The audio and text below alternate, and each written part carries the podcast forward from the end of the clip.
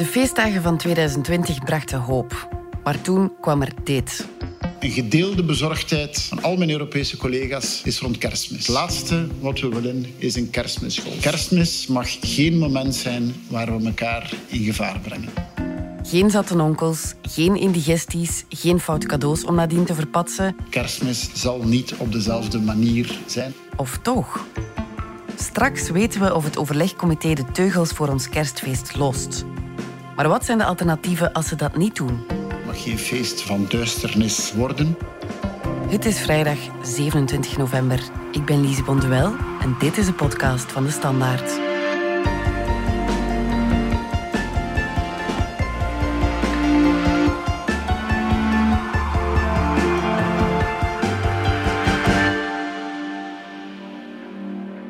Doreen Knokkaert, redactiechef van het magazine. Jullie dachten een feestnummer te maken, maar dan denk je toch, wat moet daarin staan? Inderdaad, eh, het feestnummer van Standaard Magazine dat morgen bij de kraan zit. Dat is een jaarlijkse traditie. Hm? Het lag dus al heel lang vast, uh, voor we wisten dat corona ook in de uh, kerstperiode nog een grote rol ging spelen. En uh, aanvankelijk zagen we daar tegenop. Dachten we van, oh, ja. ja. zoveel dat niet mogelijk gaat zijn. Uh, we gaan ook niet goed weten waarop kunnen we anticiperen. Onze lezers gaan er misschien ook meer stress over hebben dan dat ze zin hebben om, om tips te krijgen. Maar goed, we hebben dan even heel die blauwdruk van dat magazine opzij gelegd. Uh, al onze gewoonten opzij geschoven en gedacht van, wat kan er wel? Ja. En um, dan bleek er eigenlijk heel veel te kunnen. En, en dat bleek eigenlijk ook gewoon heel leuk te zijn om die feesten te kunnen gaan bekijken en bedenken met een leeg blad. En ja, we hebben er intussen veel zin in en we hebben ook een, uh, een dik nummer kunnen maken daarover. Ja. En een van jullie inspiratiebronnen was ook de Amerikaanse auteur Priya Parker, hè? Ze heeft een boek geschreven, De kunst van het samenkomen. En ze heeft zelf heel veel ervaring met uh, feesten organiseren, congressen organiseren, mensen samenbrengen. So, the biggest single mistake we make when we gather, whether it's for Thanksgiving or whether it's for a birthday party or whether it's for a staff meeting, is that we assume that the purpose is shared mm. and obvious. Haar boodschap in een notendop is eigenlijk altijd dat we bij feesten veel te veel energie en aandacht steken in de praktische uitvoering, hoe alles precies moet eruit zien en smaken en kleur van het tafelkleed enzovoort. The biggest way to begin to shift the way we gather is to not assume that the form is obvious, like it has to look a certain way. And to first ask, what is the need? And then how do we design an experience around that? En dat we veel te weinig nadenken over wat we willen doen met dat feest. We do the same thing we always do. So our gatherings start to kind of bleed together and all feel the same. And this year, more than ever, in part because we are stripped away from the tools that we tend to rely on to create ritual, the single most important question we can each ask ourselves and then our, our loved ones is to first ask, like, what is the need this year?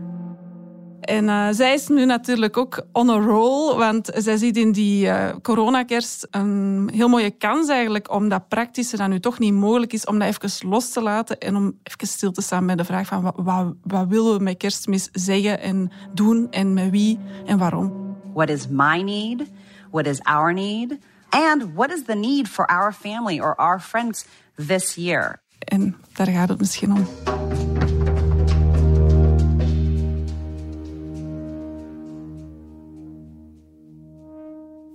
In Duitsland gaan ze mogen vieren met tien personen. Er wordt wel aangeraden om daarvoor dan in pre-quarantaine te gaan. Ook andere buurlanden versoepelen voor de feesten. Moeten we op zo'n scenario's hopen? Ja, dat doet natuurlijk een beetje hoop opflakkeren. Dat je misschien toch die goede oude kerstmis zult uh, krijgen.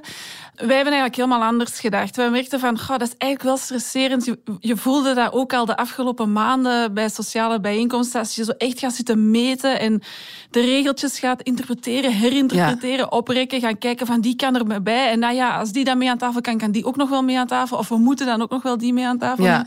En ja, dan word je eigenlijk een slaaf van de beperkingen. Ja. Wij zijn ervan uitgegaan van, we gaan het gewoon dit jaar niet doen zoals we het gewoon zijn. Ja. ja, want het risico bestaat wel dat elk mogelijk alternatief ergens een beetje gaat aanvoelen als een soort van flauw afkooksel van wat we gewend zijn, toch? Als je echt gaat fantaseren met een wit blad en met het idee van oké, eh, we moeten inventief zijn, we moeten iets nieuws uitvinden, dat is eigenlijk een enorme vrijheid dat je jezelf dan geeft. Wauw, we mogen ook wel echt iets nieuws uitvinden. Bij ons kwam er eigenlijk heel snel heel veel inspiratie van dingen die ons altijd al wel eens tof hadden geleken om te doen voor een feest en voor de eindejaarsfeesten of voor onze familie of voor onze vrienden. En die je nu kunt doen, omdat er toch uh, de tradities gelden eigenlijk niet of kunnen even niet gelden. Ik vind dat je dat nu al op heel veel manieren ziet, hoe mensen nieuwe dingen aan het verzinnen zijn, vaak volgens volgens wat zij interessanter vinden. Allee, ik zie bijvoorbeeld traiteurs die in plaats van de traditionele feestgerechten met wild en, en dure vis enzovoort, zeiden van laat mij weten uh, via Instagram bijvoorbeeld, laat mij weten wat jullie hard gemist hebben dit jaar. Dan maak ik een themamenu daarover. Hè. Bijvoorbeeld één gang over reizen, één gang over feesten met vrienden. Ik zeg maar, allee, dat, dat is direct zo creativiteit. Maar ook denk ik dingen die heel betekenisvol zijn voor jou persoonlijk. Hè.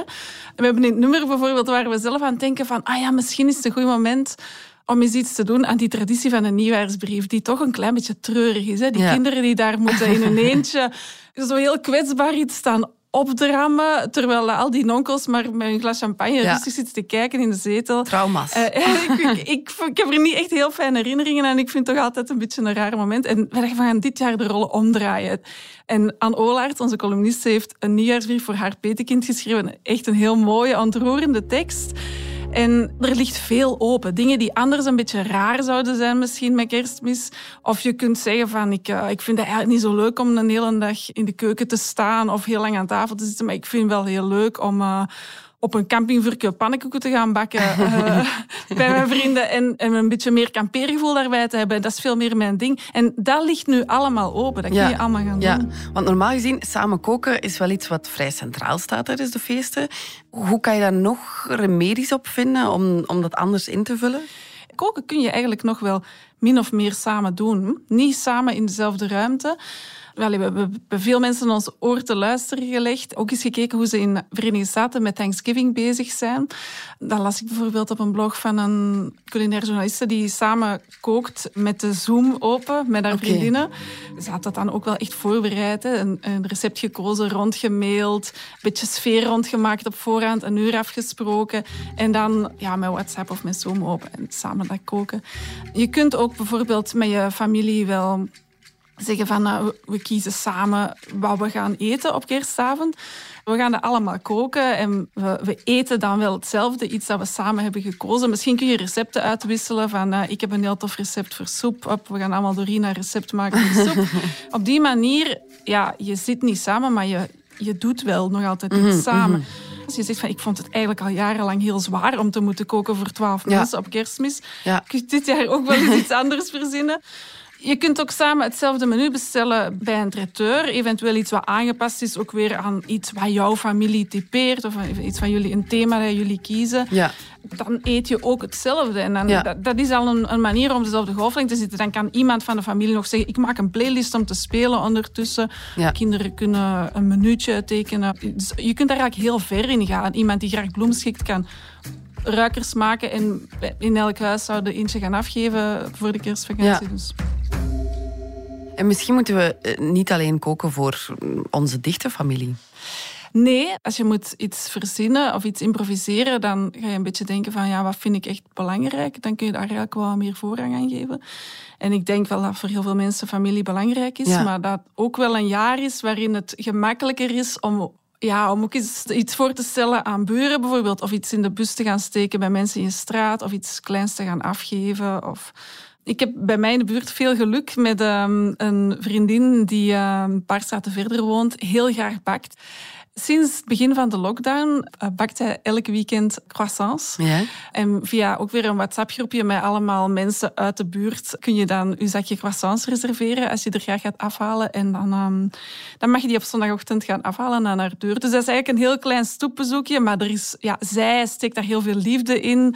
Zelf hoor je dan met dat groepje, je komt wel eens iemand tegen aan de buurt. Je denkt ook op voorraad na over ah, wat ga ik dan meebrengen, want ik wil wel iets in ruil geven. Dus ik geef dan misschien bloembollen die ik nog heb liggen en dan gaat zij weer met die bloembollen bezig zijn. En op die manier ben je wel eigenlijk heel veel met elkaar bezig. En met veel genegenheid voor elkaar bezig, zonder dat je daarom samen zit aan een tafel waar je elkaar kunt besmetten. Ja, dus misschien is het beperken of dat verkleinen van het kerstfeest ook wel iets bevrijdends ik denk dat het zeker voor veel mensen um, bevrijdend is. Ik vind het ook een beetje um, bevreemdend dat er nu uh, in heel die communicatie over de coronakers en de maatregelen wordt er ineens een enorme waarde gehecht aan dat idee van met zoveel mogelijk mensen op hetzelfde moment samen aan tafel zitten en kerstmis vieren. Dat is zo'n ideaalbeeld dat we nog meer aan het idealiseren zijn dan vroeger. Terwijl ik toch ook wel veel mensen ken en, en, misschien zelfs zo iemand ben voor wie dat wel een pittige dag is. En zo allemaal samen zitten in een ruimte en op dat moment moet het dan allemaal gebeuren. Heel dat familiegeluk moet dan gebeuren. En dat is ook een grote druk op iedereen zijn schouders. Ja. Ik denk dat ik niet de enige ben voor wie het eigenlijk wel een beetje rustiger mag zijn. Ja. Ik merk dat voor iedereen heel belangrijk is welke betekenis je ook precies geeft aan kerstmis of nieuwjaar. Van, ja, je, je rond het jaar af en je wilt ergens samen zijn. Maar waarom moet dat eigenlijk per se op één dag in één ruimte allemaal gebeuren.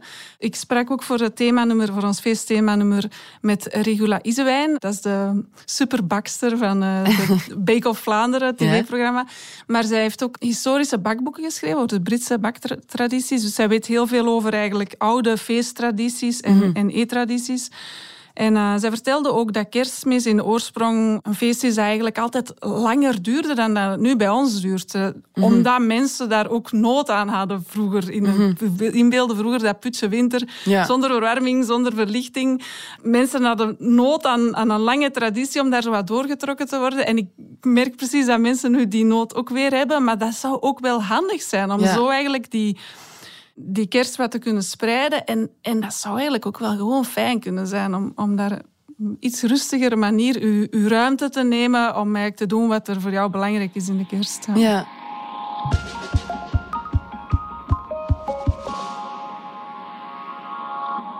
Stel nu dat je wel echt snakt naar persoonlijk contact eh, tijdens die feestdagen met iemand buiten je huisgezin, je tante, een beste vriend. Zijn er dan mogelijkheden? We zijn in de lockdownperiodes ook wel elkaar blijven zien. Ik denk dat mensen ook daar veel creativiteit al ontwikkeld hebben. En laten we ons nu het stoepbezoekje noemen. Hè, dat je eens uh, gaat aanbellen en een praatje doet op de stoep. Of soms als er een tuin is of een terras, op, terras of op de oprit. Ja. Ik heb daar eigenlijk ook wel fijne ervaringen mee. um, ik had zo zelf laatst, toen we een verjaardag moesten vieren uh, bij mijn ouders, mijn wafelijzer meegenomen. En ineens ook een verlengdraad en wat spullen. En ik had thuis al wafelbeslag gemaakt. Eigenlijk alles om daar te kunnen zo'n beetje met wat show wafels bakken. zonder dat ik zou moeten binnengaan bij mijn ouders. En ik ben wel heel voorzichtig bij mijn ouders. En dat is goed gelukt. En dat was ook echt wel leuk. Uh, je hebt direct een soort van uh, warmtebronnetje. Je hebt ook wel een manier om eigenlijk echt samen iets te beleven zonder dat je heel dicht bij elkaar moet komen. Want ik had me dan met zo'n kampeertafeltje als een soort van kraam geïnstalleerd je vertrekt vanuit wat je zelf zin hebt om te doen. Doe je een geste voor iemand. En dat, is, uh, dat, is wel, dat was heel fijn. En ik hoorde ook van iemand, ik denk van een van onze lezers, mailden ons met het idee van je kunt een oesterbar op iemands oprit uh, gaan maken. Ja, dat lijkt mij ook weer zoiets waar je eigenlijk niet heel veel gedoe en niet heel veel direct contact met mensen nodig hebt. Je neemt een paar kistjes oesters mee. Je zorgt dat er genoeg oestermesjes zijn en dat er uh, iets is om, om handen aan, aan af te vegen. Allee, je zorgt dat je allemaal heel propere handen kunt houden. Mhm. En een oesterbar is wel zoiets, wauw, dat is direct feest. Dat is uh, Vogeltjesmarkt in Antwerpen of dat is op reis zijn, dat is het strand van Bretagne. En, en als je daar iemand mee kunt verrassen, uh, hoe, hoe tof is dat eigenlijk niet? Ja. Ik las uh, in onze krant van dat virologen echt waarschuwen van pas op als je in de drank gaat vliegen, want dan is het ook wel moeilijker om natuurlijk al die regels te onthouden en dan ga je misschien vergeten dat je afstand wou houden enzovoort. Dus dat lijkt mij, dat lijkt mij wijs. Maar ook binnen die, die voorzichtigheid is er, is er best wel veel, veel mogelijk. Ja, want een winterwandeling, dat mag wel nog hè, van de virologen. Ja, wandelen kan nog altijd. En, en ik denk dat heel veel mensen het ook heel leuk vinden het is alleen een beetje heel door de week aan het worden stilaan. Hè? Maar ook daar kun je wel weer, uh, ja. kun je nu, wel weer iets... Het idee van uh, kerstvieren via een scherm, want dat, dat zal ook nog gebeuren, lijkt mij eigenlijk persoonlijk vrij vreselijk, zo'n kerstzoom. Kan dat überhaupt gezellig worden? we hebben een beetje dezelfde ervaringen, denk ik. Van ah ja, zo het Zoom-apparatief waarin je gewoon een uur afspreekt, Zoom openzet en dan zien wat er gebeurt, is voor veel mensen toch niet zo'n leuke ervaring. Je, je houdt wat een onvoldaan gevoel eraan over, denk ik. Omdat het ook niet echt hetzelfde voelt als samen zijn. Hè. Als je mhm. samen komt bij iemand thuis, dan ben je ook meestal niet de hele tijd op dat gesprek gericht. Je hebt geen meeting of zo. Hè. Je zit meer... Iemand is uh, de kat aan het aaien, iemand is thee aan het zetten, iemand is in de boekenkast aan het kijken. Dat is het leuke aan gewoon samen zijn, komen bij elkaar en een beetje chillen. En ja. Dat gaat op Zoom niet. Kerstmis is heel traditioneel, nieuwjaar eigenlijk ook op een andere manier heel traditioneel. En, en dat is mooi, maar dat is ook heel dwingend. En zeker hoe we het de afgelopen jaren zijn gaan vieren, ging het heel hard vaak over het organisatorische um, en, en het praktische en het eten en de, en de, en de cadeautjes enzovoort. Nu dat allemaal wegvalt, is er best wel veel ruimte om te doen en te zeggen wat jij echt wilt doen. Ja. En ik denk ook dat dat veel mensen kan verlossen van zo het idee van de geforceerde vrolijkheid met de feesten. Ja, ja. Hm? Zeker nu. Ik denk dat dat ook zo een, een ambivalentie is die veel mensen nu hebben. Dat je denkt van, goh ja, het was zo'n zwaar jaar. Veel mensen hebben serieuze tegenslagen moeten verwerken, zijn bang geweest, zijn ziek geweest, hebben, hebben dingen verloren. En dan zo die, die feestvreugde, dat lijkt zo'n contrast. Niet iedereen heeft per se zin om te vieren. Nee, of je voelt, je hebt soms ook het gevoel dat je niet veel ruimte krijgt binnen al die tradities en al die verwachtingen die bij feesten horen. Want je ja. moet zogezegd vrolijk zijn en je moet zogezegd uitgelaten zijn. En...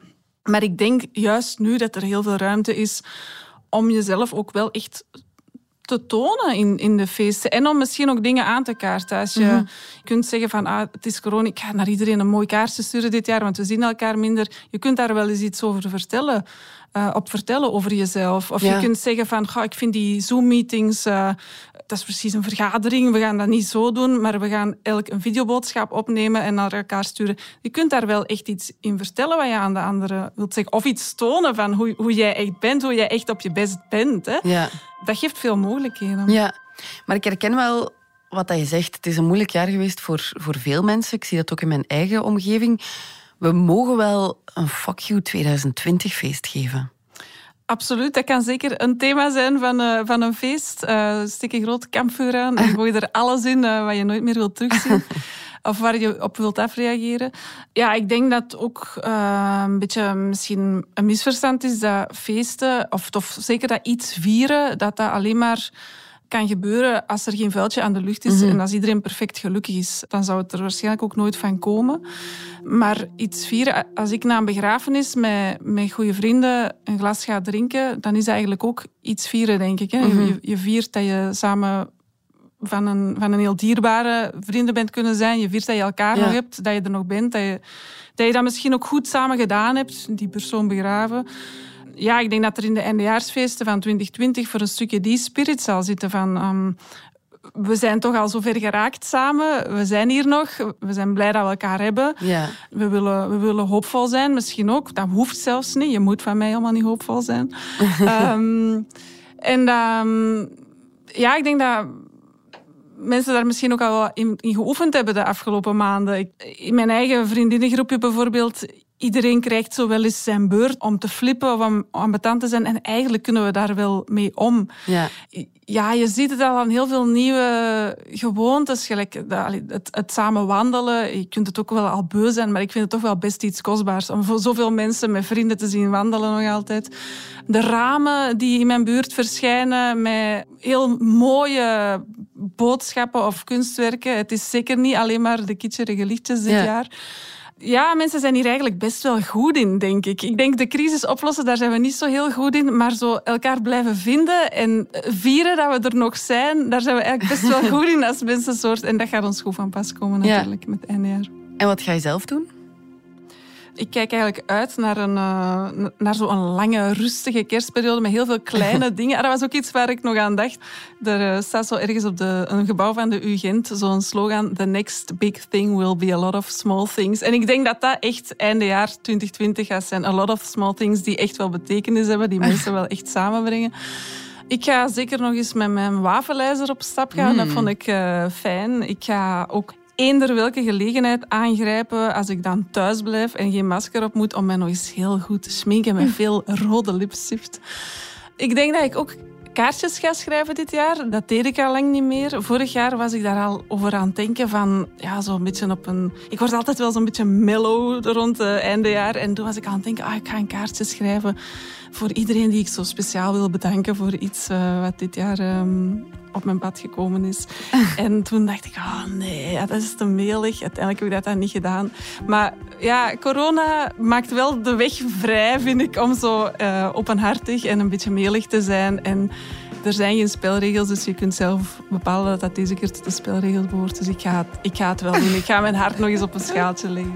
Lekker melig zijn. Doreen Knokhart, dankjewel. Dit was de podcast van de Standaard. Bedankt voor het luisteren. Wil je reageren? Dat kan via podcast.standaard.be. Alle credits vind je op standaard.be-podcast. Maandag zijn we er opnieuw.